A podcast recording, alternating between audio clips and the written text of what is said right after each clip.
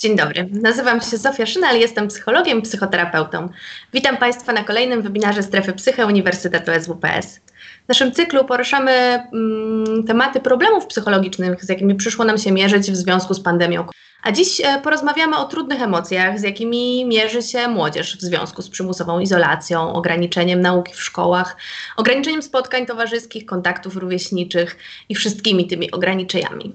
E, mam nadzieję, że jest z nami wiele młodych osób, wielu uczniów, bo dziś moim i Państwa gościem będzie Przemysław Staroń, nauczyciel roku 2018, nominowany do Global Teacher Prize 2020. A oprócz tego psycholog, kulturoznawca. E, pan Przemysław w swojej pracy zawodowej umiejętnie łączy dwa obszary swojej specjalizacji. Jako kulturoznawca pracuje w drugim liceum imienia Bolesława Chrobrego w Sopocie, gdzie uczy etyki, filozofii oraz wiedzy o kulturze, a jako psycholog w Zakładzie Psychologii Wspomagania Rozwoju Uniwersytetu SWPS w Sopockim Uniwersytecie Trzeciego Wieku i Centrum Rozwoju JUMP. Więc jak widzicie Państwo, jest tego bardzo dużo, a dzisiaj e, mamy Przemka e, właśnie dla Państwa, dla nas. Dzień dobry. Dzień dobry, dzień dobry. Witam Zosiu i witam wszystkich bardzo serdecznie. Ja jeszcze zanim zaczniemy, przypomnę Państwu, że za pośrednictwem naszego czatu możecie zadawać pytania. E, no i jest to niebywała okazja, więc, e, więc serdecznie Państwa do tego zachęcam, a my tutaj dołożymy wszelkich starań, żeby jak na największą ilość tych pytań e, odpowiedzieć. No ale zacznę ja, bo mieliśmy rozmawiać o trudnych emocjach, które wywołują ograniczenia, zakazy, nakazy, ale tak sobie pomyślałam, że może nie wszyscy potrafią te emocje nazwać, jakoś je zidentyfikować i powiedzieć w zasadzie, co to są za emocje. Więc jeżeli możesz, to zacznijmy od tego, jak myślisz, z jakimi emocjami teraz musi mierzyć się młodzież w związku z tą sytuacją? Myślę, Zosiusz, to jest bardzo dobry krok na początek, bo rzeczywiście e, często e, próbujemy pomóc, e, mówiąc jak radzić sobie z emocjami, natomiast mam takie wrażenie, że nas tego nikt nie uczy w ogóle, co to są emocje, E, jakie powiedzmy prawa podstawowe nimi rządzą i w ogóle z jakimi emocjami mamy do czynienia. E, I oczywiście z tym, że emocje nie są złe, nawet jeżeli są nieprzyjemne, to generalnie nie są złe. One są po prostu jakimś tam, e, nazwijmy to światełkiem, które pokazuje, na co zwrócić w życiu uwagę. A nie masz takiego wrażenia, że tego w ogóle brakuje w naszej edukacji? Że, tak. że to jest jakiś taki brakujący przedmiot w zasadzie? Absolutnie. Wiedza o funkcjonowaniu naszego umysłu, emocji, człowieku w ogóle, coś więcej niż kości i układ rozrodczy. Dokładnie o to chodzi. Ja cały czas to powtarzam, że to jest podstawa podstawy programowej. To jest rzecz najbardziej fundamentalna, bo to tak naprawdę zrozumienie tego, jak działają emocje, dlaczego tak działają, yy, pozwala nam osiągnąć i skuteczność w wielu aspektach życia, i szczęście. A jakby nie patrzeć, szczęście jest naprawdę najbardziej E, no, kluczowym celem w naszym życiu. Tak? Szczęście oczywiście nie tylko nasze, ale też jakaś próba e, ogarnięcia tego z innymi ludźmi. I myślę, że absolutnie. E, dlatego też korzystając z tego, że, że można trochę pouczyć o emocjach w ramach naszego spotkania, jestem przekonany, że tutaj naprawdę może być cały katalog różnorakich emocji i jestem przekonany, że warto dodać, że te emocje mają prawo po pierwsze ze sobą współistnieć, a po drugie zmieniać się. To znaczy emocje pierwszego dnia kwarantanny, dziesiątego i dwudziestego mogą tak naprawdę być inne, a przynajmniej e, no można powiedzieć, że mogą mieć inne proporcje natężenia. Tak? E, mhm. Jestem przekonany, że dla wielu z nas emocją, o której często w ogóle nie myślimy, e, albo wstydzimy się może przyznać, chociaż w sumie powiedziałem wstydzimy, to to już wstyd wysuwa no, się na prowadzenie, ale jednak zacznę od radości. E, mianowicie, y, kiedy widzimy, ile osób na przykład cierpi teraz, e, trudno nam się przyznać do tego, że na przykład my możemy być radośni. Z tego powodu, że nie musimy, załóżmy, wychodzić z domu, jeżeli tego nie lubimy, tak? Mhm. E, I tutaj właśnie pojawia się pierwsza taka lampka, że, że nawet taka emocja przyjemna, jak radość, może być, e, może być dla nas tak kulturowo, o, o, nie? Niechciana jakoś. Niechciana. Nieakceptowana. Tak jest. E, więc, więc radość to po pierwsze. E, po drugie, sądzę, że, że jak najbardziej może to być smutek, który jest e, również bardzo nieznaną, a bardzo ważną emocją. Smutek związany z tym po prostu, że pewne, pewne jakby nasze cele e, no, nie dadzą jakby rady się ziścić, tak? No bo my już o tym wiemy. Moi olimpijczycy z zakonu Feniksa, i zresztą nie tylko oni, e, bardzo przeżyli to, że, że zostały odwołane olimpiady, znaczy finały olimpiad i szansa na zdobycie tytułu laureata, mimo że to oczywiście nie jest jakaś pierwszorzędna potrzeba życiowa, ale jednak jak ktoś trzy lata się przygotowuje z taką myślą, żeby, żeby zawalczyć o to, a tu automatycznie nie, no po prostu nie ma tego, nie ma tej opcji, jest to smutek. Trzeba wręcz, powiedziałbym sobie, poradzić z pewnego rodzaju procesem związanym, znaczy podobnym do przeżywania żałoby, tak? E, z tym czy, czy z czymkolwiek innym, tak? Kiedy mamy pewną stratę. E, może to być złość. Złość, czyli po prostu wtedy złość się pojawia, kiedy po prostu nasze dążenia są zablokowane. Mhm. E, no i ta złość e, znowu jest emocją niezbyt popularną, kiedy jesteśmy młodsi, słyszymy, e, poza tym oczywiście, że słyszymy to też przy radości i smutku, nie?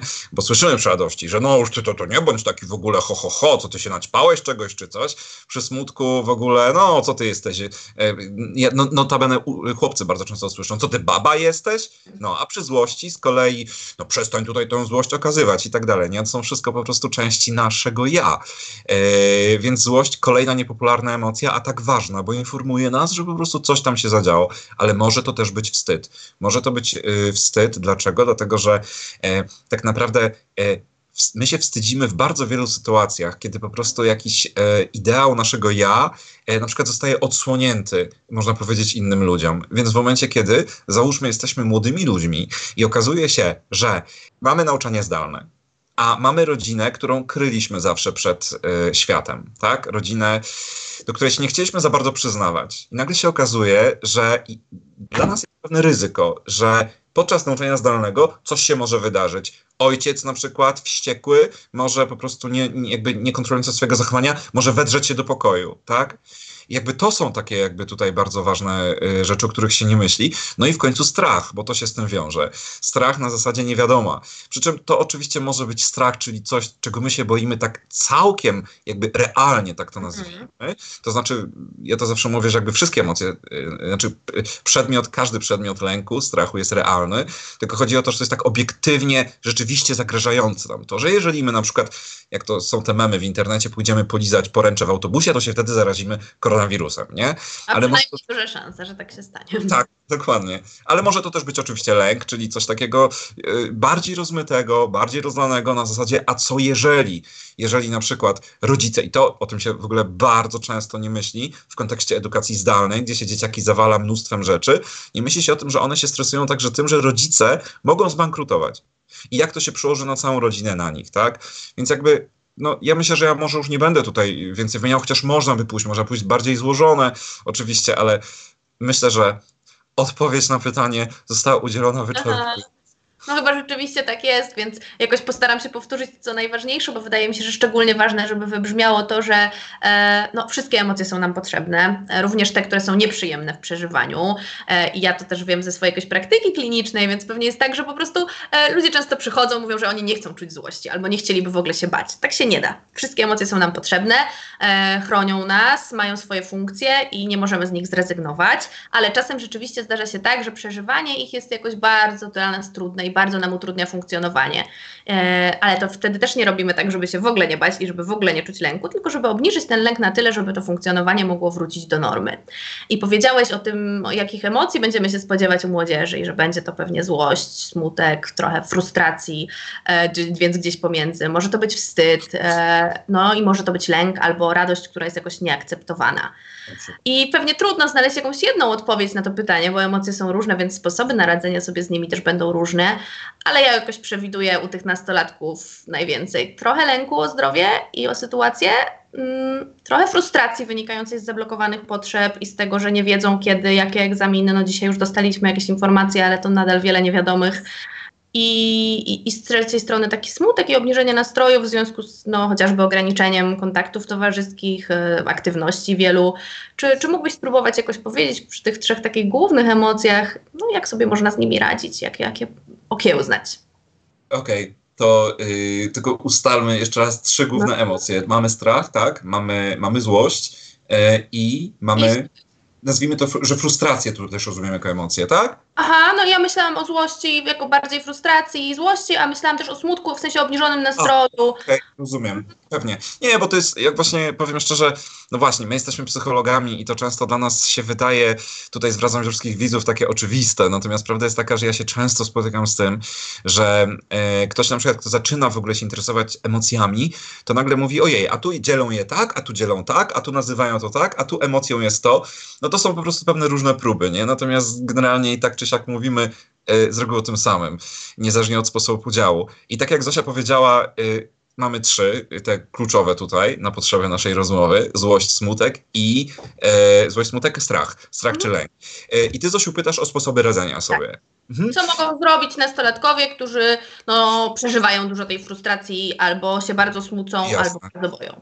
Aha, pewnie. Ja myślę tak, że... Y, przede wszystkim jest takie jedno meta rozwiązanie, o którym ty zresztą już zaczęłaś mówić. E, to jest w ogóle e, jakby wszystko, znaczy to się wiąże po prostu z taką jakby świadomością emocji i jednocześnie przeżywaniem ich, bo to jest tak, że w momencie, kiedy często na przykład my zaczynamy się zastanawiać nad emocjami, to pojawia się coś takiego, pozwolę sobie użyć mojej latarki Lego, taki po prostu no, światełko, widać? Pojawia się światełko i oświeca nasz umysł i my zaczynamy rozumieć. I to jest super, tylko że jest jeden problem, bo w momencie, dopóki się po prostu emocje trawi intelektualnie, to jest takie ryzyko, że my ich wciąż nie odczuwamy. Mhm. Dlatego bardzo ważne jest to na samym początku, żeby z jednej strony pomyśleć, ok, co tam może mi w duszy gra, ale jakby nie pozostawić tylko to jakby na płaszczyźnie intelektu, że sobie tak rozmyślam o nich. E, to trudno to sobie tak, jakby w sensie mi to zawsze jest tak trudno wytłumaczyć, ale, ale zawsze mówię mniej więcej coś takiego, że jeżeli na przykład, nie wiem, popijasz lekarstwo, tak, i ono jest gorzkie. Czasami jest taka sytuacja, że na przykład, nie wiem, zamykamy sobie nos i popijamy, żeby tego nie czuć. Wyobraź sobie, że popijasz to gorzkie lekarstwo, po prostu nie zamykając nosa. Po prostu popijasz i czujesz, albo na przykład sok z cytryny. Mhm. Dlaczego tak? Dlatego, że popicie lekarstwa jakby z odczuciem wszystkiego, tylko to załóżmy, powoduje, że to lekarstwo działa. Mm. I tak jest właśnie z emocjami. Czyli po prostu chodzi o to, że nie można ich gdzieś tam zagadać. Więc jeżeli czujesz jakąś emocję, po prostu pozwól ją sobie czuć. Dosłownie, tak? I to jest taka meta jedna rzecz w ogóle na samym początku. Fajnie, że rozum tutaj, światełko, o, o ale na tym się nie zatrzymujmy. Mm. I, I druga rzecz z tym związana, też taka bardzo meta, te emocje wyrażać. I teraz co to znaczy wyrażać? Bo z tym jest najczęściej problem. Bo my jesteśmy, jakby, mm, mamy takie wrażenie, że przykład wyrażanie emocji jest wtedy, kiedy my komuś o nich mówimy. To jest sposób, ale to, to jest jeden z wielu sposobów, tak?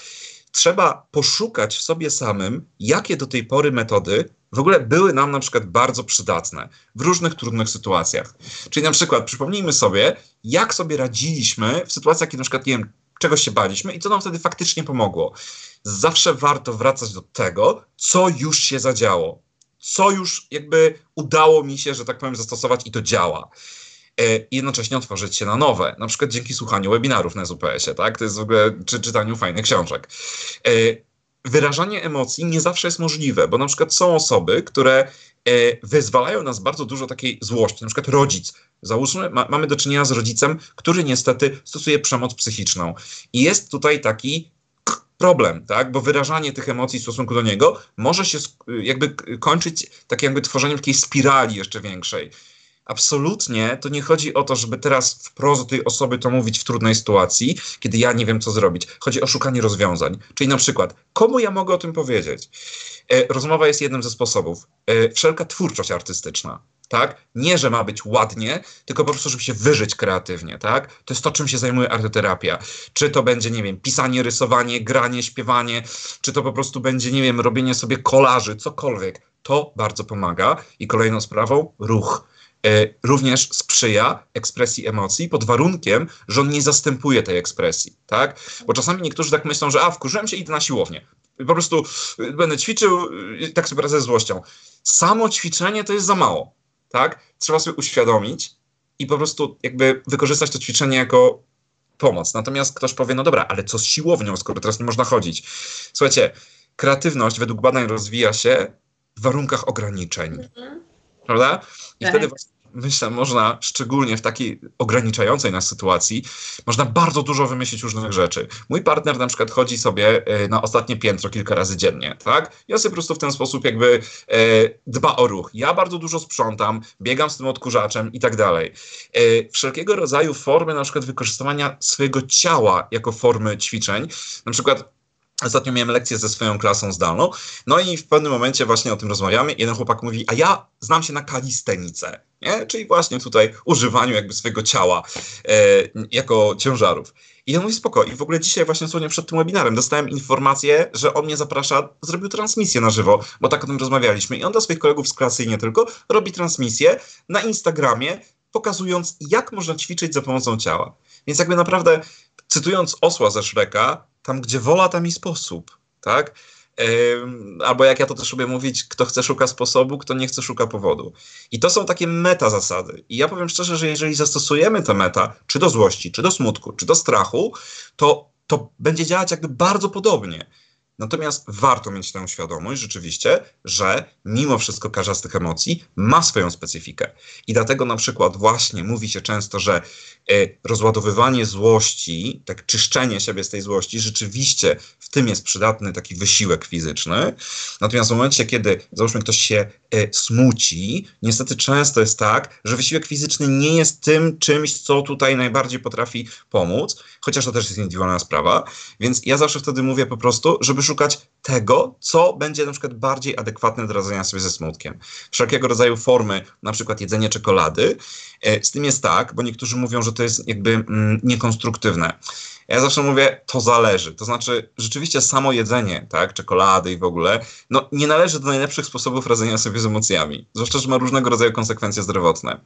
Ale zawsze trzeba umieć odróżnić sytuację od sytuacji. Są sytuacje, gdzie czasami po prostu takie zjedzenie czekolady jest najlepszym rozwiązaniem. Jeżeli to się natomiast pojawia jako główny jedyny sposób radzenia sobie ze smutkiem, no to wtedy warto po prostu przemyśleć, czy rzeczywiście mi to przyniesie dalekosiężne konsekwencje, tak? Natomiast ja zawsze mówię, że jak w tej story trzy na samym końcu zabawki, które y, na tej spal- znaczy na taśmie już jechały do tej spalarni śmieci, one po prostu złapały się za ręce i to jest w ogóle najlepszy sposób, bardzo często, złapać metaforycznie, a może też dosłownie, że się da, kogoś bliskiego za ręce. I wtedy, wtedy po prostu, tak jak ktoś fajnie ujął kiedyś, ból dzielony jest bólem o połowę mniejszym. Mhm. E, myślę, że dużo cennych wskazówek i, i, i, widzę, że te pytania z czatu dotyczą tego, jak radzić sobie z miksem tych emocji, jak radzić sobie z taką czy inną. E, te wszystkie rzeczy, o których powiedziałeś, to, to, ja pozwolę sobie dopowiedzieć, dotyczą radzenia sobie w ogóle z trudnymi emocjami. E, a jeżeli chodzi o specyfikę każdej z tych emocji, e, no to, to, to, to, może chciałabym się jeszcze tylko chwilkę po, pochylić nad lękiem, bo tak, to właśnie. jest taka emocja, która jest no, raz, że dość specyficzna, jeżeli chodzi o radzenie sobie, a dwa, że jakoś no, bardzo dominująca i ona dotyka nie tylko młodych ludzi, ale dotyka wszystkich nas tak w ogóle globalnie teraz, bo i boimy się o zdrowie i boimy się o jakąś przyszłość taką gospodarczą e, i, i czy, czy tutaj troszkę mógłbyś jeszcze powiedzieć o lęku? Tak, oczywiście.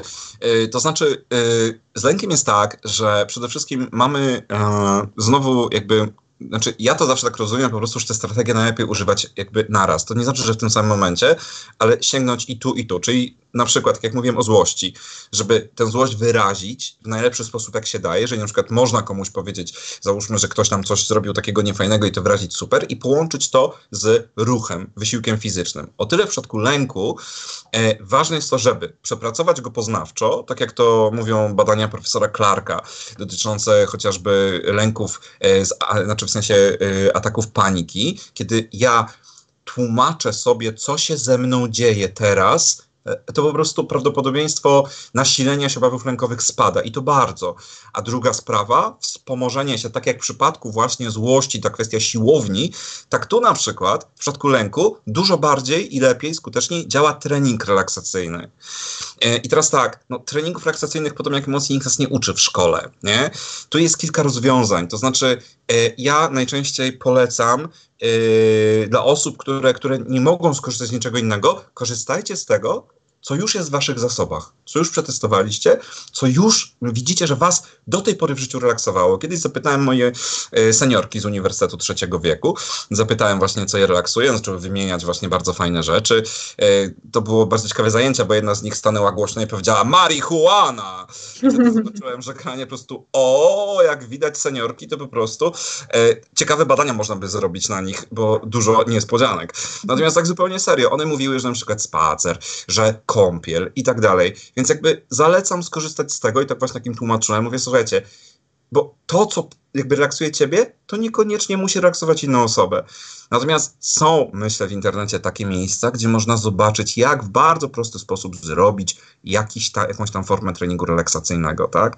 Yy, I no, obecnie, w ogóle obecnie to, to w tej chwili wszystko można w internecie znaleźć i, i to bardzo, bardzo polecam. A jeżeli ktoś nie znajdzie, to można zastosować bardzo podstawowe zasady, jeżeli chodzi o trening relaksacyjny, czyli przede wszystkim to, żeby jakby spróbować poczuć ciało, bo to jest w zasadzie podstawa każdego treningu relaksacyjnego. Poczuć po prostu, że to siedzę i czuję teraz, dobra, wyobrażam sobie, że czuję teraz po prostu moje uda, tak jakby naprawdę poczuć je. I to wtedy jest takie wrażenie tej takiej ciężkości, nie? I to następuje synchronia odczuwania yy, takiego i zmysłowego, i świadomościowego i wtedy rzeczywiście robi się lepiej. No, myślę, że obecnie to, to, to jest nawet całkiem fajny czas na to, żeby poszukać dla siebie takiej relaksacji, bo to nawet na przyszłość będzie fajna umiejętność. Jeżeli jeszcze nie macie Państwo takiego swojego e, sposobu, to, to zachęcam serdecznie, bo dla jednych to będzie yoga, dla kogoś innego to będzie medytacja, dla kogoś innego e, trening autogenny, no, przeróżne rodzaje i warto sobie popróbować, bo dopóki nie spróbujecie sami na sobie, to nie będziecie wiedzieli, e, co jest dla Was ok. Prze Mindfulness Przepraszam. Proszę, proszę, no chciałam zadać kolejne powie... pytania, ale jeszcze... Aha, nie, chciałem po prostu powiedzieć, że teraz jest bardzo duża oferta także online, po prostu właśnie y, jakby całego mindfulness, jakby to naprawdę te ćwiczenia, które są tam obecne, one, one w zasadzie, bo to znowu jest kwestia jakby nazyw nazywania yy, i dzielenia, co należy do czego. Ja często tłumaczę, że po prostu to są, tak naprawdę my wszyscy mówimy o tym samym, tylko trochę z innych jakby perspektyw, więc tak naprawdę jeżeli ktoś na przykład nie, za, jakby nie znajdzie jakiegoś takiego pełnego treningu relaksacyjnego, to nie ma sprawy, bo mówię, ćwiczenia związane z mindfulness, mindfulness cały czas mogą być tak samo skuteczne. Niektórzy nawet twierdzą, że bardziej. Mhm. E, powiedz, jak myślisz, dlaczego czasem trudno odnaleźć się w sytuacji e, takiej dużo częstszych kontaktów z rodziną? Bo jednak na co dzień się trochę mijamy, każdy ma swoje obowiązki, my, my szkołę, rodzice pracę, e, młodsze rodzeństwo też przedszkole albo, albo młodsze, młodszą część szkolną. A, a co teraz, kiedy wszyscy siedzimy razem i te kontakty są trudne i też rodzą trochę nieprzyjemnych emocji? Ach, no, wiele osób e, rzeczywiście stawia to pytanie, dlaczego tak się dzieje. Ja wtedy przytaczam metaforę jeżozwierzy, że jeżeli jeżozwierze są daleko, to się raczej nie pokłują. Natomiast jak są blisko, to wtedy mogą się pokłuć. Duża szansa. Tak, to jest duża szansa. Więc jakby siłą rzeczy, no po prostu, co tu, nie, co tu dużo nie mówić, yy, często właśnie im bliżej kogoś jesteśmy, czy to psychicznie, czy to fizycznie, a jeżeli jedno i drugie to już w ogóle, to tym bardziej po prostu ryzyko pokłucia wzrasta. Z czego to się bierze? To się bierze z tego, że my jesteśmy bardzo mocno zanurzeni w swojej, nawet nie tyle w swoim ciele, to w swojej cielesności. I nasza cielesność jakby mm, no, wyznacza pewien taki, można powiedzieć, taką przestrzeń wokół nas, którą szczegółowo bada taka dziedzina jak proksemika, jeśli dobrze mhm. pamiętam. E, I jakby proksemika ustala e, to, jakby jakie mm, odległości przestrzenne są dla nas komfortowe. I teraz jakby na co dzień, w sensie w sytuacji sprzed epidemii, no to wiadomo, sobie na zajęciach mogliśmy opowiadać, że jak ktoś jest w autobusie i, da, nie wiem, usiądzie bliżej, za blisko ciebie, to, no to wtedy czujesz dyskomfort, pewnie, że tak. No teraz mamy trochę jakby nowe poletko po tym e, Mianowicie y, po prostu no, długotrwałe przebywanie wraz z innymi ludźmi e, bliskimi e, na jednym terenie. Myślę, że tutaj właśnie dokonuje się zaburzenie po prostu przestrzeni, bo to jest tak, że kiedy my tworzymy jakąkolwiek relację, to to jest tak, że my budujemy z kimś wyspę. Hmm? Ale to nie jest tak, że my na tej wyspie de facto zaczynamy sami mieszkać. Znaczy wspólnie, przepraszam, wspólnie. E, każdy z nas dalej ma wyspę swoją i żeby satysfakcjonująco funkcjonować w relacji, to musi na tę wyspę wracać. Tak? Musi mieć ten azyl, ten bufor i tak dalej. W momencie, kiedy trzeba siedzieć cały czas w domu, niestety jest to utrudnione.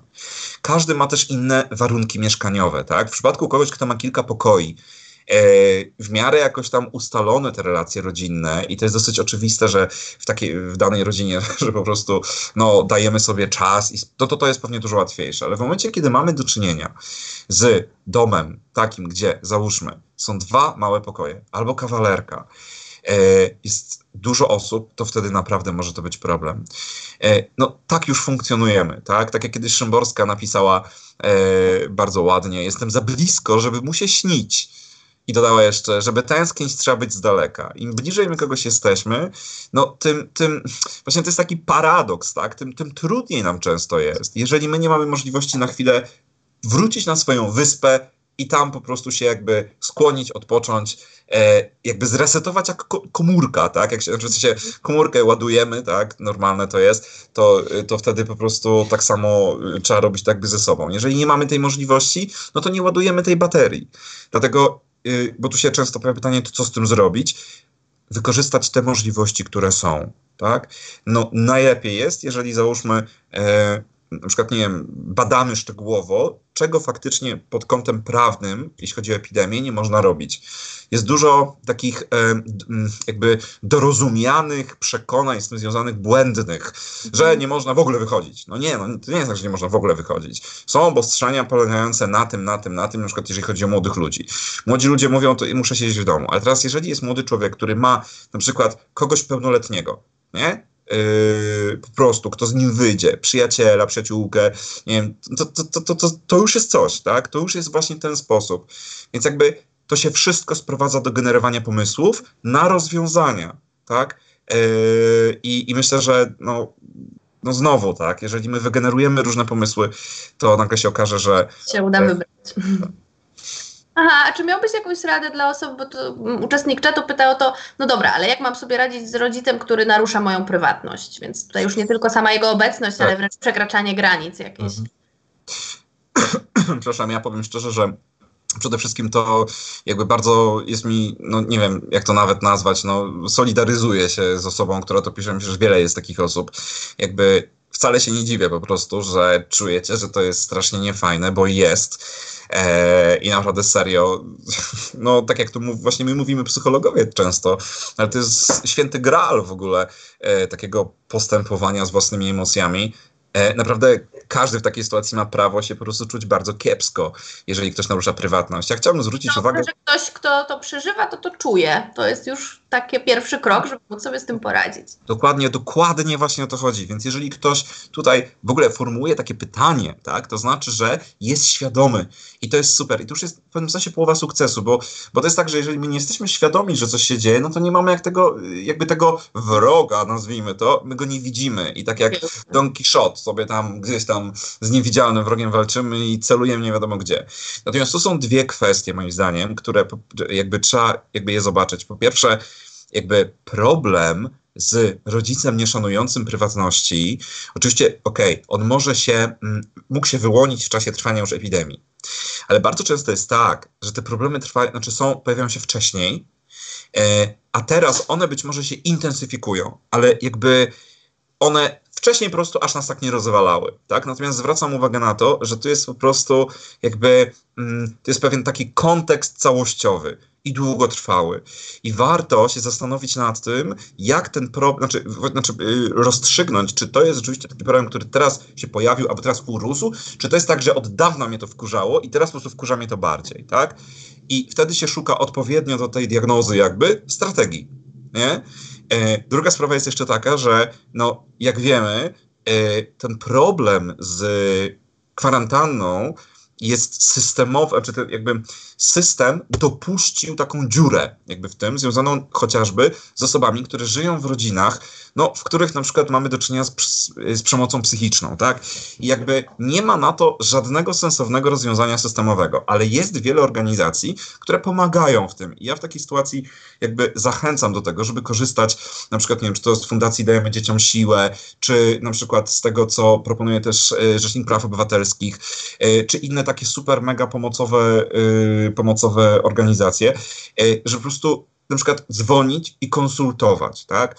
Natomiast ja osobiście powiem tyle, bezpośrednio, że to jest być może doskonała trampolina do tego, ten czas, żeby poćwiczyć, a i ostatecznie być może e, no, zaznaczyć swoje granice, tak? Ja wiem, że to nie jest łatwe, absolutnie. Natomiast być może to jest właśnie ten moment, który można wykorzystać.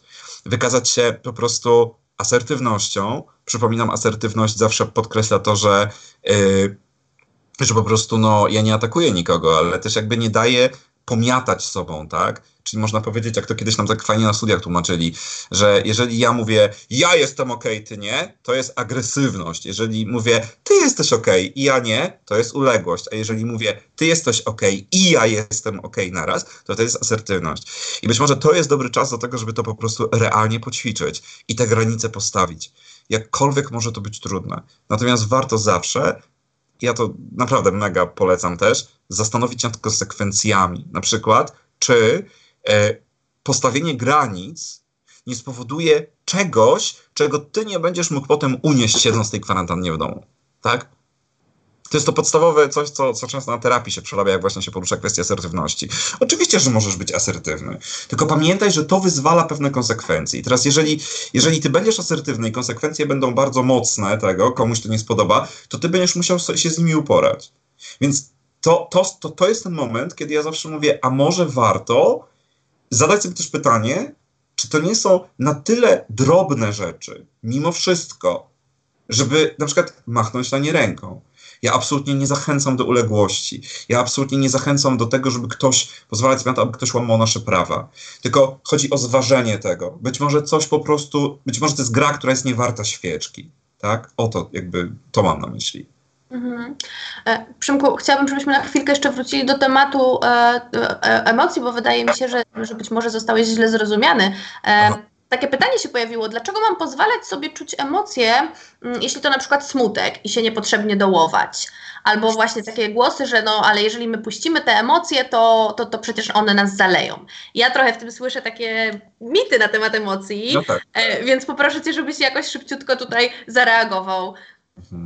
Tak, inaczej ja powiem szczerze, że ja się bardzo często z tym spotykam, że kiedy się zaczynam w ogóle rozmawiać o emocjach, to bardzo szybko y, pojawiają się właśnie takie pytania. Ja absolutnie, znaczy ja się bardzo cieszę, że te pytania padają, bo to jest właśnie okazja do tego, żeby móc to y, właśnie wyjaśnić. Y, to jest niestety tak, że ta podstawa podstawy programowej dotycząca emocji, której nie ma w szkole, ona, jak już zaczynamy się jej uczyć, no to powiedzmy, e, to jest jak takie klocki domina.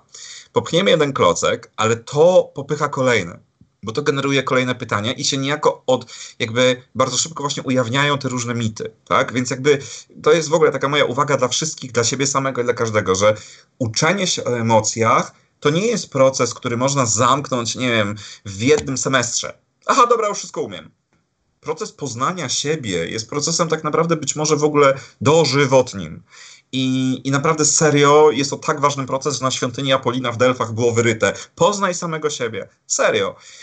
I tak naprawdę, właśnie jeżeli ja już powiedzmy poznam to, że emocje są czymś, co czuję, co naturalne i nie polegają cenie moralnej same w sobie, to często się pojawia właśnie coś takiego. No dobra, jak sobie dam prawo do odczuwania emocji, to no to wtedy co? No to wtedy się tak bu, bu, bu, bu, bu, bu, zakopie, nie? Ale odczuwanie emocji, pozwolenie sobie na to, żeby je odczuwać, mm, nie ma tak naprawdę nic wspólnego z takim, nazwijmy to, nakręcaniem się i jednocześnie wpadaniem w jakąś taką spiralę, spiralę takiego, yy, takich sprzężeń zwrotnych, można by powiedzieć, tak? To znaczy, chodzi o to, że jeżeli ja na przykład stwierdzę, że kurczę, coś, coś mi jest dziwnie i sobie stwierdzam tak, no czuję smutek, nie? Siadam, jakby odczuję to po prostu, to, to nie chodzi o to, że ja mam się teraz położyć, tak? Położyć i teraz leżeć i sobie powtarzać, czuję smutek czuje smutek, tak? A tym bardziej czuje smutek. Jest w ogóle beznadziejnie, tak? Bo to zwróćmy uwagę, że stwierdzenie jest w ogóle beznadziejnie, to już nie jest tak naprawdę de facto ekspresja emocji. Yy, znaczy, jakby nazwanie tej emocji, którą się czuje, to może być nam pochodne. I teraz jakby powiem tak, ja wiem, że to łatwo tak mówić, ale ja się jakby tutaj chcę zapewnić wszystkich, ja też się cały czas uczę robić to coraz lepiej, tak? To nie jest tak, że jestem tutaj takim panem, który ho, ho, ho, ho nie? Ja też cały czas staram się jeszcze lepiej to ogarniać. I chodzi o to, że trzeba, ale to właśnie wychodzi jakby z treningu, z praktyki, trzeba jakby uczyć się odnajdywać ten złoty środek pomiędzy nazwaniem emocji i poczuciem ich, tak, i uświadomieniem sobie tego i niestłumieniem ich, bo to o to chodzi, żeby one się tam nie ukryły po prostu gdzieś tam e, w naszej nieświadomości, e, a takim rozpoczęciem nakręcania się, no właśnie o to chciałam Cię zapytać, bo jakoś wiele pytań też dotyczy tego poznawczego aspektu emocji, e, czyli tego, co się dzieje w naszych myślach. Jakoś w zależności od tego, co my pomyślimy przecież o sytuacji, no to taką emocję poczujemy, więc to jest szczególnie ważne, żeby się temu chwilę przyjrzeć. E, tak. I... Tutaj jakie pytanie, jakie rozwiązanie widzisz e, w przypadku wpadania w takie pułapki myślowe w mhm. stylu nic już nie będzie dobrze, nic się nie uda, czyli takie negatywne przewidywanie e, przyszłości, być może katastrofizacja, e, być może chodzi o zamartwianie się. No pytań jest o to wiele, więc pewnie jakbyś mógł chwilkę porozmawiać tutaj z uczestnikami. Jasne. Jasne, to znaczy ja, bym, ja oczywiście y, dokładnie chcę to zrobić, tylko chciałbym dokończyć jeszcze tamtą myśl, Aha. bo tam, tam było pytanie, e, co, żebyś nie, nie dołować, no w sensie, że, tak. że takie dwa pytania wtedy, że, że a co jeżeli zacznę dołować i co mhm. jeżeli, aha, jeżeli one mnie zaleją. Tak. To, się, to jest mnie bardzo, bardzo podobne pytanie, natomiast ja, ja może odpowiem to metaforycznie. Chodzi o to, że emocje owszem mogą nas zalać, ale właśnie one nas zalewają przede wszystkim kiedy? Wtedy, kiedy my je próbujemy ścisnąć. Wyobraźmy sobie, że emocje są jak gotujący garnek. I, znaczy w sensie woda w garnku. Gotuje się woda i teraz jakby chodzi o to, że e, garnek jest przykryty pokrywką, jest tam kurek na, no, na jakąś całkiem wysoką temperaturę. I teraz wyobraźmy sobie taką sytuację, że w momencie, kiedy zaczyna już być głośno, tak, słyszymy, że to to idzie, idzie, jakby coraz bardziej zaczyna się gotować, wrzeć i tak dalej. Wyobraźmy sobie, że my wtedy podchodzimy i przykrywamy mocniej tę pokrywkę. No to jest jakieś niezgodne w ogóle z naszą intuicją i codziennym doświadczeniem, tak? E, wtedy następuje jeszcze większe gromadzenie się energii i następuje BUM! I wtedy rzeczywiście ta woda i to jeszcze wrzątek może zalać nas, nie? I może spalić garnek i w ogóle i tak dalej. Natomiast jeżeli my podejdziemy. I podniesiemy pokrywkę, zmniejszymy ogień, to nie ma opcji, żeby nas to zalało. I jakby ten lęk związany z tym, że emocje nas zaleją, de facto jest lękiem, który, to jest można powiedzieć, to jest lęk o pewną konsekwencję, która się de facto niekoniecznie pojawia, jeżeli my już damy im taki zdrowy, zdrowy po prostu upływ, tak? Na tej zasadzie. Więc jakby chciałem to dopowiedzieć tylko. E, a teraz to y, przechodząc do tego drugiego. Poznawcze, czyli zamartwianie się, negatywne przewidywanie przyszłości, katastrofizacja. E, I tutaj, tak jak Zosiu powiedziałaś o tym poznawczym elemencie, e, ja powiem tak, że bardzo, znaczy bardzo często też jakby w kulturze, popkulturze jest jakby zakorzeniony taki mit, że jest serce i rozum. A ja zawsze mówię, że jestem niszczycielem marzeń dziecięcych i w ogóle, i zawsze mówię, że nie tylko nie ma świętego Mikołaja, ale też nie ma czegoś takiego jak serce i rozum, tak? Bo serce i rozum są obydwa tutaj w mózgu. I jakby chodzi o to, że emocje i racjonalność, kontrola poznawcza i tak dalej, to jest po prostu tu w jednym organie. I więc jakby to nie chodzi o to, że ojej, czy iść w stronę emocji, czy iść w stronę rozumu, bo tak naprawdę no mówię, to wszystko się dzieje w tym samym miejscu. Chodzi o to, żeby umiejętnie dokonać synchronii pomiędzy tym. Dlatego tak ważne jest to, żeby właśnie te emocje, z jednej strony ich nie zdusić, takich nie zagadać, a z drugiej strony, żeby mądrze wykorzystywać rozum, tak, żeby nimi zarządzać. Stąd ten, te właśnie strategie poznawcze. Dlatego nie można tego rozdzielić. I bardzo często właśnie y, pojawia się y, taka jedna z takich najbardziej skutecznych strategii pod tytułem, y, znaczy to ma różne nazwy w zależności od szkoły i, i w ogóle różnych koncepcji, ale granie chodzi po prostu o to, żeby uświadomić sobie, co czuję e, i jeżeli jest to na przykład lęk, to jakby jakie wizje mi ten lęk podsuwa. Hmm? I teraz przyjrzeć się tym wizjom, czyli tym, temu właśnie, co się może stać i zadać sobie pytanie, ok, no, czy to rzeczywiście jest prawdopodobne? Czy to jest prawdopodobne, czy to, czy to, czy tamto. Tu nie chodzi o to, żeby teraz się tak zapewniać samego siebie, no spoko, to się nie, jakby nie zdarzy. Nie, nie, to nie w tym rzecz.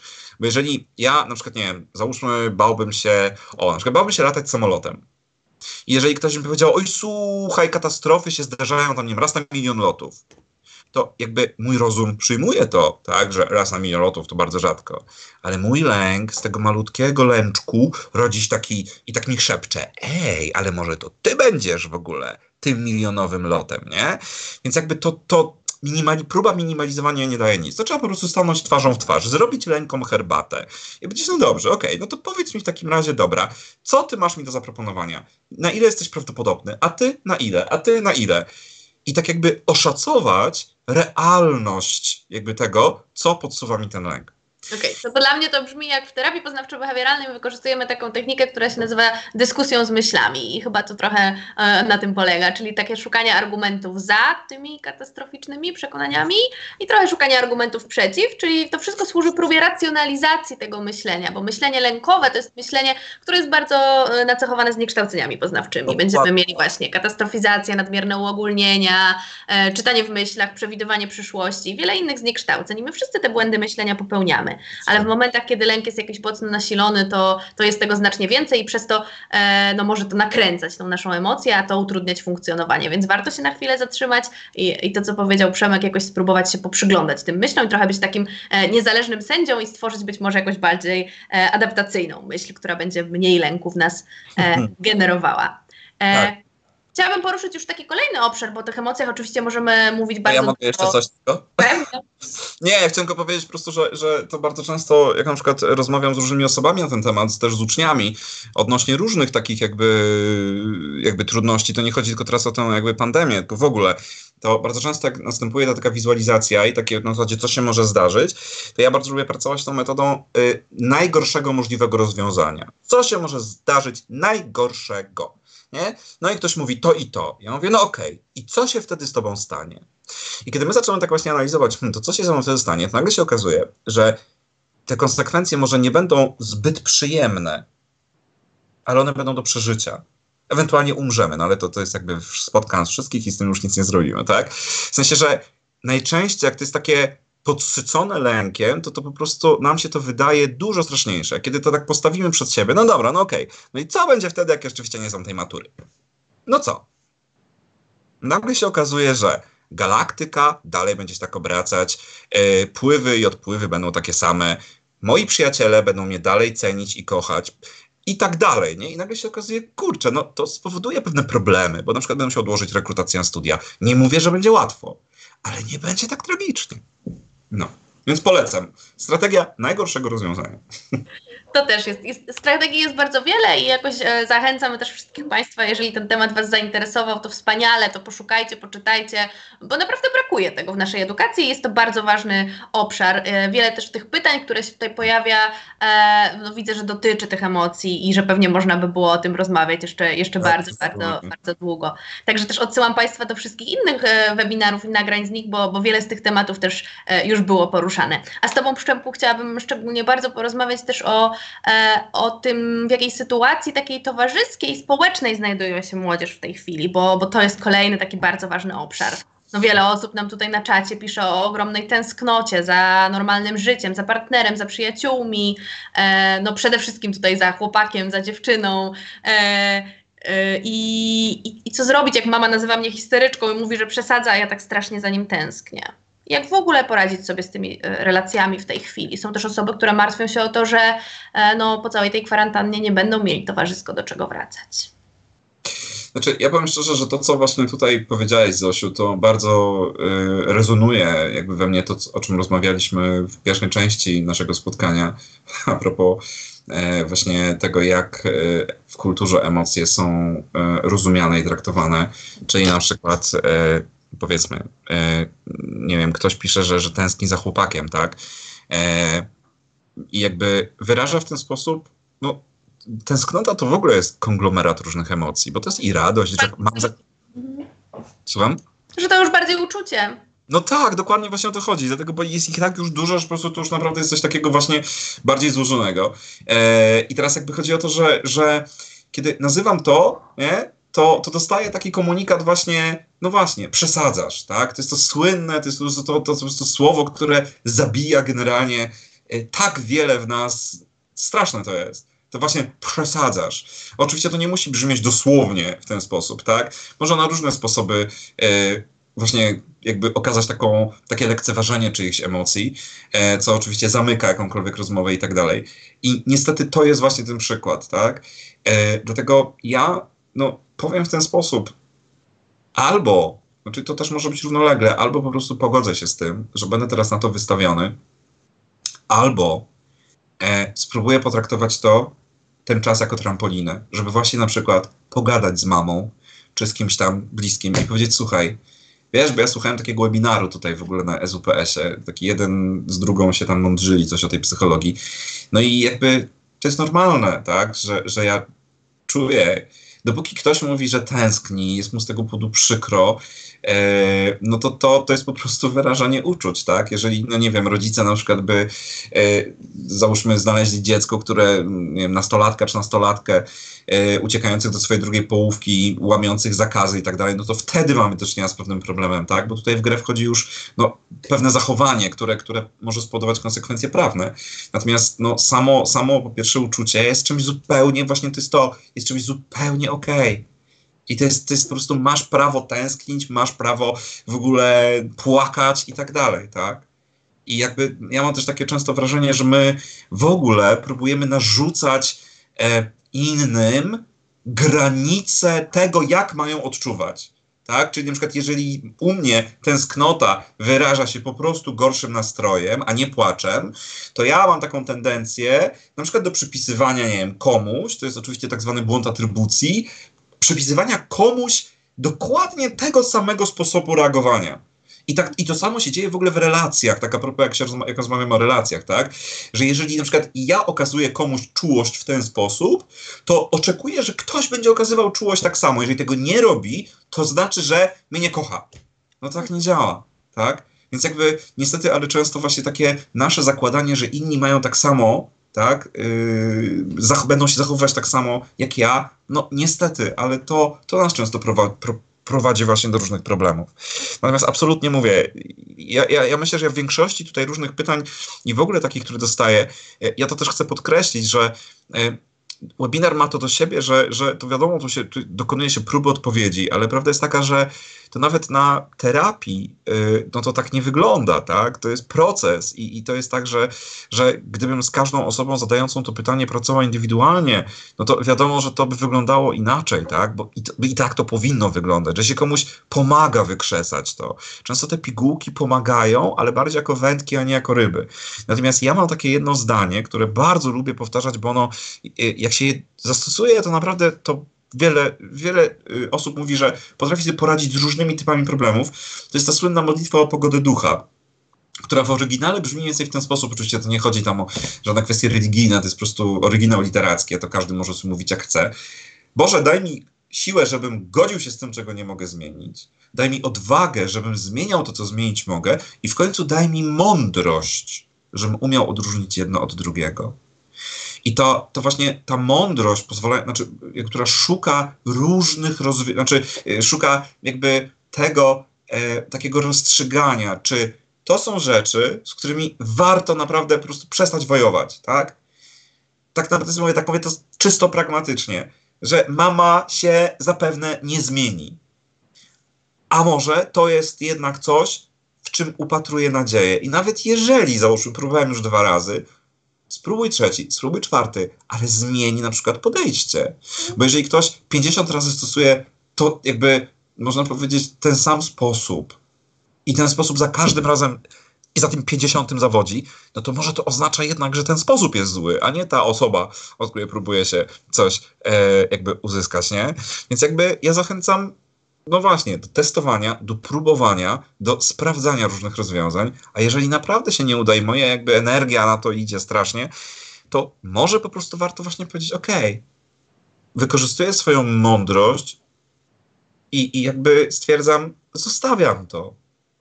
I po prostu będę rozwijał w sobie siłę, żeby się z tym pogodzić, tak? To jest taka naprawdę. Podzielę się swoimi emocjami z kimś innym niż z mamą. Jeżeli mama e, je bagatelizuje i mówi, że one są nieważne, jakoś tak daje komunikat, to może mam przyjaciółkę albo przyjaciela, albo babcię, do której mogę zadzwonić e, i która jak powiem, że tak strasznie tęsknię za tym chłopakiem, to tak. jakoś usłyszy mnie, zobaczy. I sobie strasznie mi przykro, wnuczko, że tak bardzo za nim tęsknisz. To może mi o nim poopowiadaj, czemu on jest taki fajny, że tak za nim tęsknisz. Nie? Bo to jest jakaś taka czy, coś, czego potrzebujemy, żeby ktoś zauważył te emocje, zaakceptował i wsparł nas w tym. Niekoniecznie musi się zgadzać ze źródłem tych tak. emocji, niekoniecznie musiałby tak samo się czuć w tej sytuacji, ale ważne, żeby, żeby jakoś je akceptował. I to, jest dokładnie, to jest dokładnie to. Szukanie rozwiązań, próbowanie jak nie tu, to tam, nie A, to B, jak nie B, to C, jak się alfabet skończy, to są inne. Mhm. No ale co jeszcze w tych relacjach? Jak za pomocą tych social mediów e, po, pomóc jakoś w walce z tą poczuciem izolacji, odsunięcia się od bliskich? No wiemy przecież, że dla młodych osób szczególnie te kontakty towarzyskie są bardzo ważne, że może tam mogą się tydzień z mamą nie widzieć, ale z najbliższą przyjaciółką to, to nie da rady. To jak sobie z tym radzić? Czy, czy masz jakieś narzędzia, sposoby, jakbyś wykorzystał e, ten internet, te social media najlepiej do tego? E, to znaczy, znowu, ja, y, ja myślę, że ja coraz bardziej będę tutaj właśnie przypominał o, o tym, e, że y, no, mo, można tutaj podawać jakby różne rozwiązania, tak o, natomiast ja, ja, ja naprawdę wolę dawać wędkę. Ja w takich sytuacjach zachęcam e, do takiego właśnie uświadomienia sobie, co ja takiego jakby co ja, co ja mogę zrobić, zanim na przykład pójdę i sprawdzę gdzieś tam w książce czy u kogoś, to po prostu poćwiczę swoją wyobraźnię.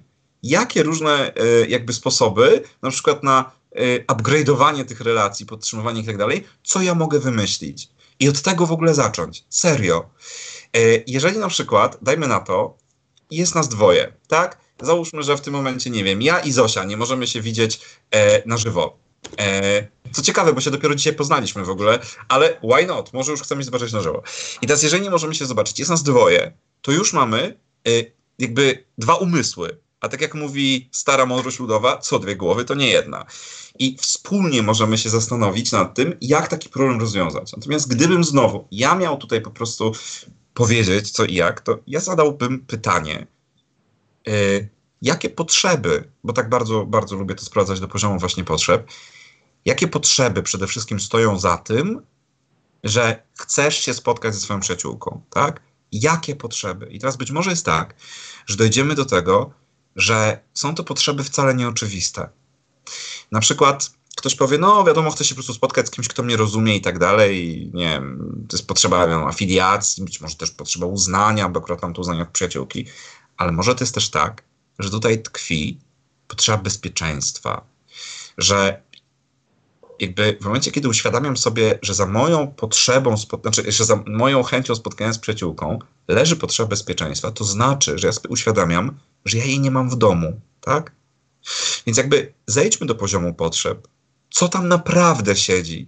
E, my często jesteśmy przyzwyczajeni do tego, że my w ogóle relacje międzyludzkie postrzegamy no w taki sposób, wiadomo, nie?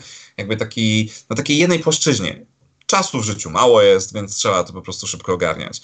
A ja pamiętam kiedyś, jak y, zapoznałem się z materiałem Zofii Miliskiej-Wrzosińskiej y, dzięki mojej terapeutce. Ona pisała o bardzo wielu powodach, dlaczego ludzie uprawiają ze sobą seks.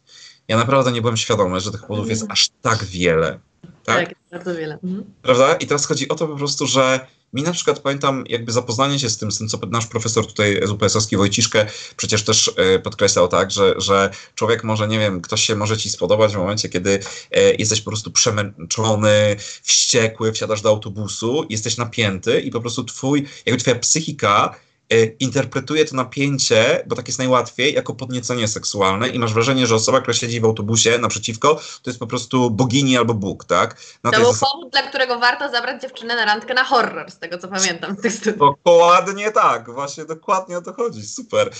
Natomiast jakby no, tu, jest, tu jest to, żeby właśnie po prostu zobaczyć, y, co, co właśnie, jakby jaka przyczyna jest, bo być może to jest tak, że, że te przyczyny nie są oczywiste.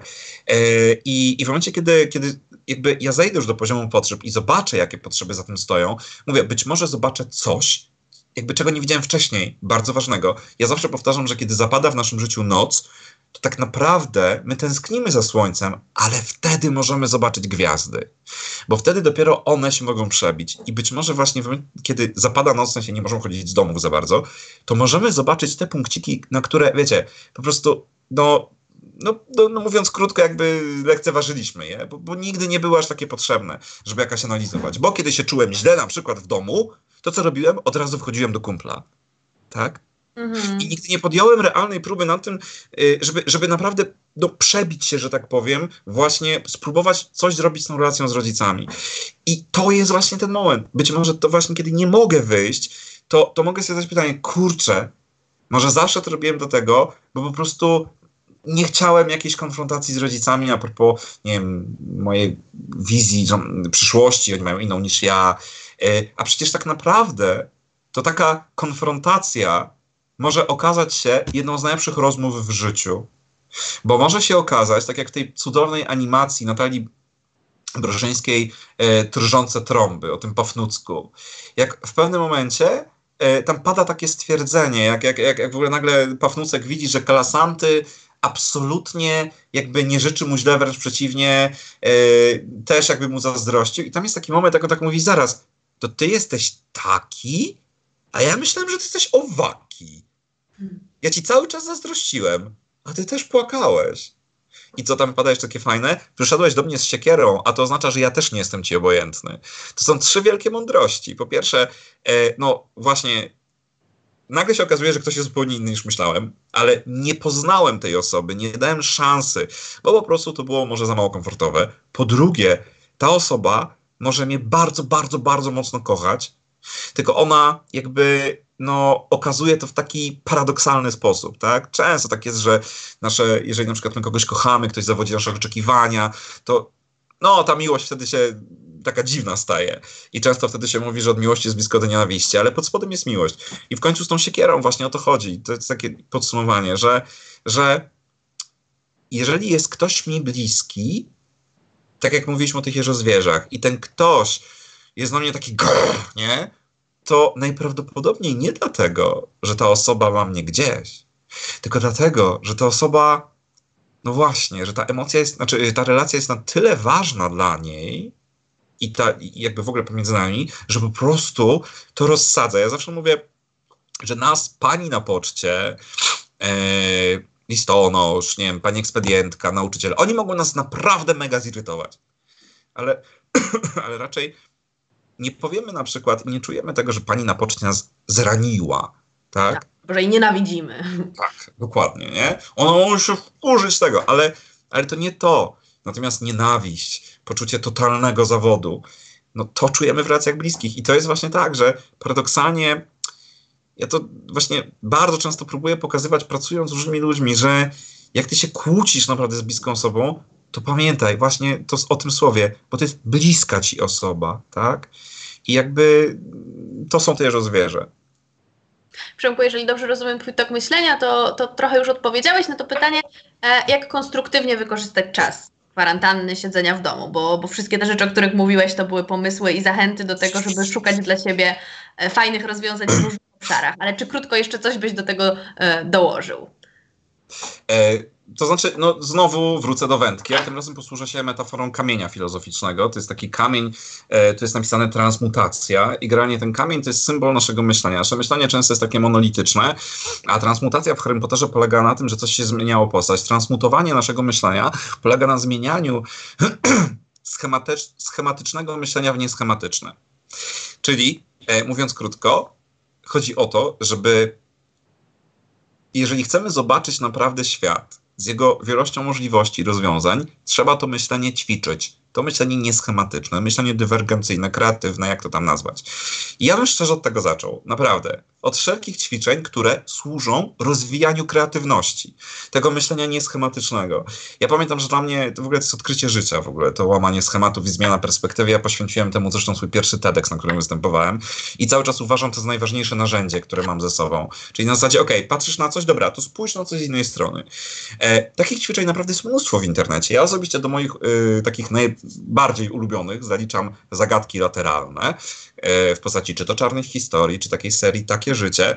E, one naprawdę doskonale to rozwalają. E, po prostu to tak, schematy. to myślenie pytajne też jakoś tak e, pobudzają, prawda? Dokładnie tak, dokładnie, więc to jeszcze przy okazji też krytycznie się ćwiczy i w ogóle doskonałą formą jest jakakolwiek ekspresja twórcza, przy czym znowu nie na zasadzie o Jezu, musi być ładnie. Nie, po prostu niech będzie ciekawie, tak? Są takie zadania w internecie typu, nie wiem, narysuj na tym rysunku, załóżmy coś, co ci się przyśniło, albo co nigdy byś nie chciał, że ci przyśniło. No nie wiem, jest mnóstwo też takich narzędzi. E, gry planszowe zwłaszcza jak na przykład wychodzimy poza ich takie typowe zastosowanie, typu na przykład karty Dixit. doskonałe pole do rozmów na wiele tematów. Ćwiczenia z, jakby z różnych takich e, zbiorów treningu kreatywności, na przykład przełamywanie fiksacji funkcjonalnej. Ja naprawdę uwielbiam coś takiego, nie wiem, biorę na przykład ze sobą szklankę, albo na lekcję biorę durszlak, albo cokolwiek. Mówię, słuchajcie, do czego to służy? No powiedzmy, no do picia. O dobra, no to służy do cedzenia makaronu. No to dobra, no to szukamy nowych, nowych zastosowań. Nagle się robi boom. Ćwiczenie łamacz mitów, które jest rewelacyjne, bo ono chodzi o to, żeby wymyślić, czego nie da się zrobić. A potem, jak już to się wymyśli, to stwierdzić, no dobra, to jak to jednak rozwiązać? No jednak się da. No, ja pamiętam kiedyś jeden y, mój y, uczestnik właśnie zajęć, ostatnio Karola Paciorka o tym mówiłem, że on, jak to było, on y, wymyślił takie coś, że nie da się uciec przed śmiercią. No i, i, właśnie jakiś jego kolega z grupy mówi, a proste, nie? I się okazało, że miał w klasie kolegę, który nazywał się Piotrek Śmierć i był bardzo słaby z WF-u. Ja mówię, ja tam przed śmiercią to mogę tak uciec bez problemu, nie? I to nagle wtedy się okazuje, że kurczę, przeformułowanie problemu jest po prostu wow. Więc mówiąc krótko, wszelkiego rodzaju gry, które drz, ćwiczenia, a tego jest naprawdę cała masa. Są aplikacje na telefon, takie na przykład jak Brain Boom, Brain Out, jeśli dobrze pamiętam. E, one dokładnie realizują to, o czym ja tutaj mówię, tak? Czyli to są takie, że musisz wyjść poza te takie e, jakby ramki tak. myślenia. Mhm to jest naprawdę super. I to jest apka w telefonie bez problemu. No i oczywiście to, co ja mówię zawsze, podążaj za swoim hobby, tak? Yy, naprawdę podążaj za tym, co lubisz, a z drugiej strony bądź otwarty na to, co nowe. Yy, naprawdę internet, yy, znaczy i to jest też plus i minus, to znaczy internet ostatnimi czasy wybuchł. Jest po prostu miliard rzeczy do robienia. No tylko, że no cóż, z przybytku głowa boli. I bardzo często jest tak, że my jesteśmy i tak już przebodźcowani w ogóle w świecie, i tak jesteśmy przebodźcowani w wyniku kontaktu głównie zdalnego. To jeszcze na dodatek, na dodatek ilość narzędzi, propozycji spędzania czasu też nas może przebodźcowywać. Więc jakby tutaj no, stara zasada good enough. Ja zawsze mówię, że, że warto w czymkolwiek po prostu yy, no po prostu zastanowić się nad, nad tym, że a może, może wystarczy zrobić coś jednego, a nie pięć rzeczy. Less is more. Może to też jest no. taki czas, kiedy warto odpoczywać, trochę zostawić sobie czasu na nudę, bo jak zaczynamy się nudzić, to wtedy różne rzeczy przychodzą nam do głowy, a zazwyczaj mało mamy Aha. czasu na nudę, więc może nie ma tak. też sensu sobie całkowicie tego czasu jakoś e, tak aż bardzo go wykorzystywać i w każdym e, Oczywiście. Aspekcie, żeby no. też nie przesadzić w drugą stronę i dać sobie też przestrzeń tak. na odpoczynek i na, na te wszystkie emocje, o których sobie na początku powiedzieliśmy. E, Przemku, jeszcze jest takie całkiem sporo pytań i myślę, że tutaj nie możemy tych maturzystów zostawić bez wsparcia. E, pewnie to, to, to, to, to właśnie ze względu na Twoją osobę wielu maturzystów i myślę, że i rodziców, i uczniów, e, jak to czytam, pyta o to, jak zmotywować siebie do działania, do nauki przed maturą, jak w tym stresie i w tym wszystkim sobie poradzić z tym egzaminem i z nauką do niego. Y, ja bardzo dziękuję oczywiście za te pytania, natomiast zwróćcie, kochani, uwagę na to, że ja y, jakby jak mantrę powtarzam coś, co nie wynika jakby z tego, że nie, nie znam odpowiedzi, tylko, tylko po prostu uważam, że to jest mega ważne.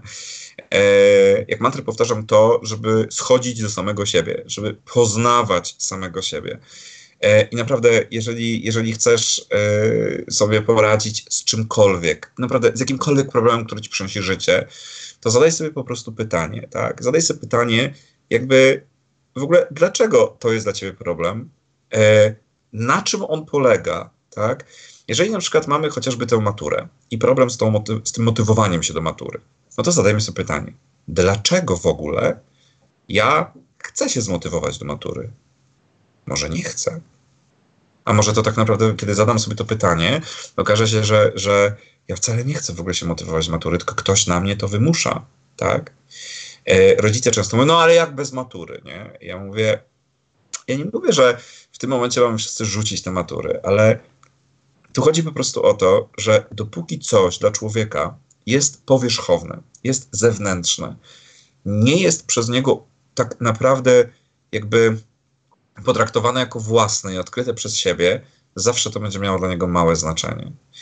Jeżeli rodzic na przykład, często wiedziony naprawdę dobrymi intencjami, chce, żeby dziecko zdało tę maturę, no to jest super, ale to jest za mało, bo dziecko, yy, dopóki sobie samo nie uświadomi, jakby dlaczego warto ją zdawać, I z jakimi jego planami się to wiąże na przyszłość? Po co no jemu to jest potrzebne indywidualnie? No właśnie o to chodzi.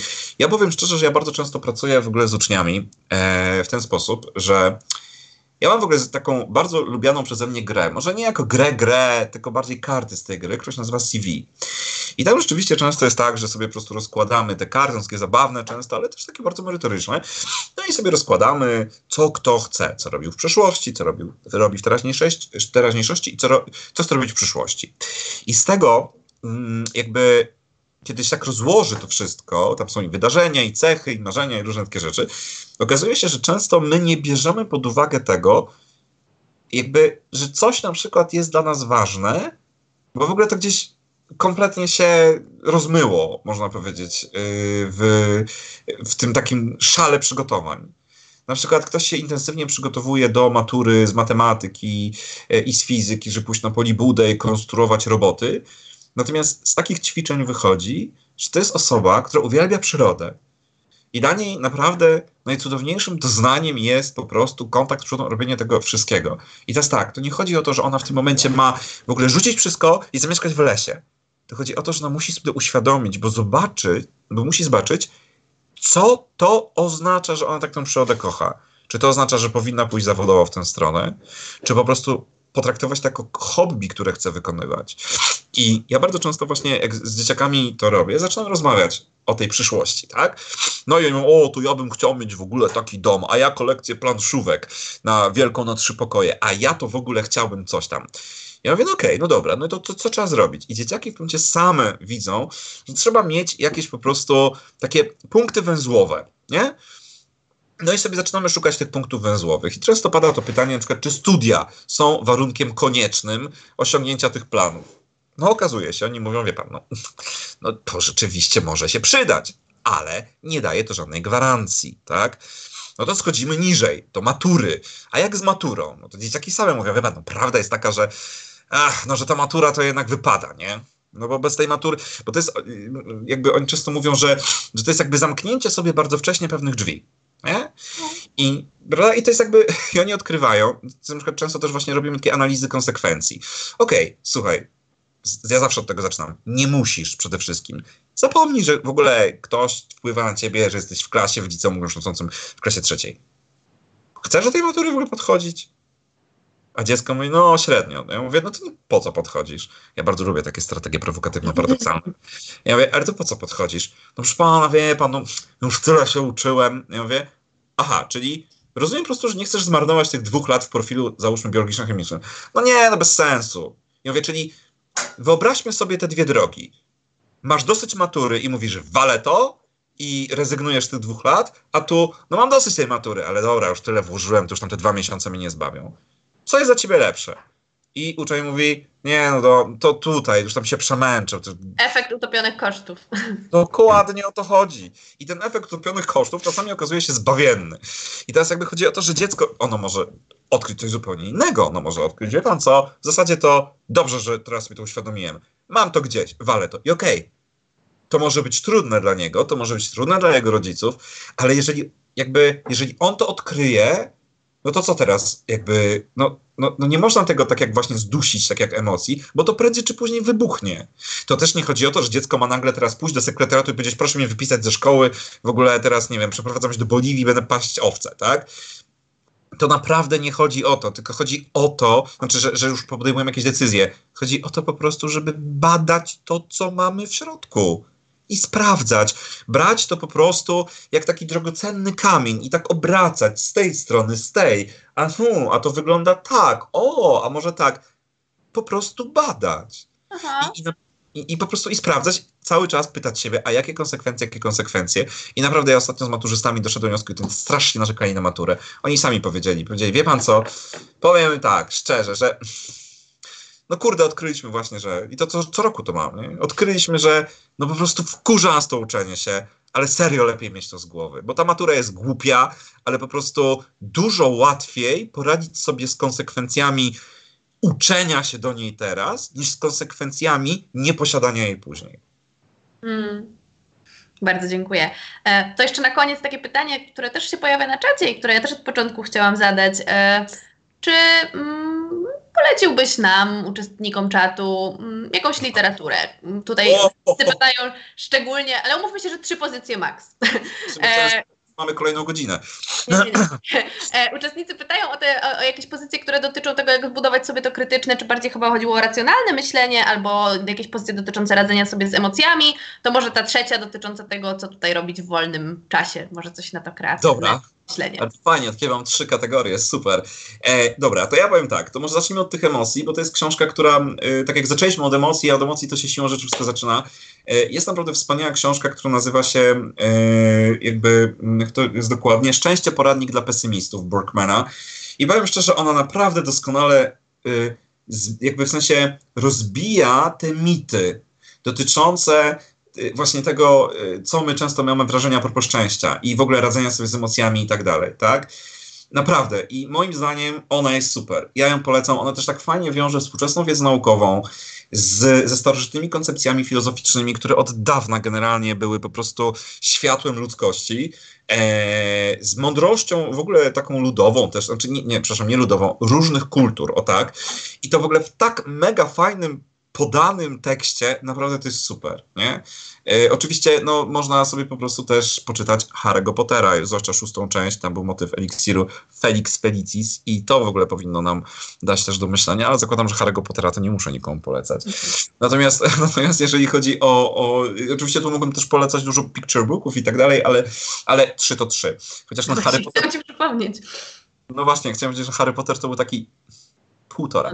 I, jeżeli chodzi o myślenie, jeżeli chodzi o jakby w ogóle rozwijanie myślenia, to ja osobiście, tak szczerze, to najbardziej chyba to jest, to jest, naprawdę dosyć szalone, co teraz powiem, bo to nie jest nic, co takiego jest na zasadzie, o, poćwicz sobie ze mną myślenie, ale ponieważ poleciłem aplikację wcześniej, te Brain Out, Brain Boom, to, to zakładam z tego, ja polecę coś, co uważam za absolutne clue. E, w ogóle rozumienia sposobu naszego myślenia. To jest geografia myślenia Nisbeta.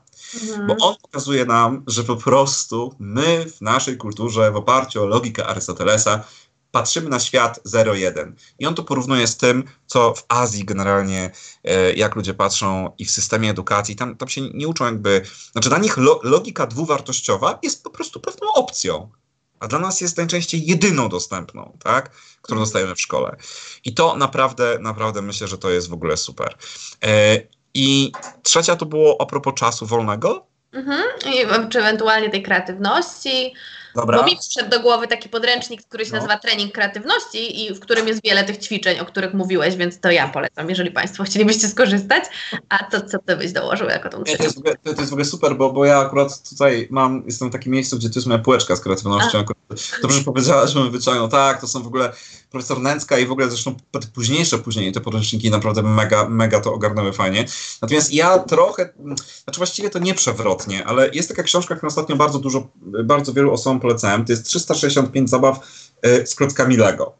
Dlaczego ona jest super? Dlatego, że ona tak naprawdę y, jest o wszystkim. I to mówię naprawdę serio. To znaczy, sobie otwierasz na jakiejś stronie i na przykład masz tutaj z klocków Lego, możesz sobie stworzyć iluzję, tak? Y, tego chyba aż tak bardzo nie widać, bo ja tutaj mam rozmyte tło. Trudno. Albo na przykład y, mamy coś takiego, zbuduj komórkę ciała, albo zbuduj szkielet, albo zbuduj sobie podstawkę do książki, albo, to może będzie widać, zaplanuj tydzień z terminami. Uwaga. Mm, nie widać. Nie widać. Ale tam jest terminarz z klocków Lego. Zachęcamy Co... do kupienia, wtedy będziecie mogli Państwo zajrzeć. Dokładnie. Natomiast tak zupełnie serio, ta książka też jest o tyle fajna, że ona pokazuje, że jak nie masz klocków Lego w domu, to ty możesz w ogóle po prostu jakby ona ci pokazuje pomysły na różne rzeczy, o których ty byś, jakby w sensie, żebyś nawet wcześniej na to nie wpadł, tak? E, I naprawdę, naprawdę mega. I wszystkie książki tego typu, które pokazują, jak zrobić coś z niczego. Ta seria Carrie Smith chociażby. E, ale, no ale tylko trzy. E, pewnie można by tak w nieskończoność. E, bardzo Ci dziękuję. To bardzo i przyjemna, i wartościowa rozmowa. E, odpowiedziałeś na bardzo wiele pytań i jakby wiele tutaj osób bardzo dziękuję i docenia Ciebie, więc, więc ja również w imieniu uczestników czatu i swoim serdecznie dziękuję, a Państwu dziękuję za aktywność i zapraszam do udziału w kolejnych webinarach. Wszystkiego dobrego.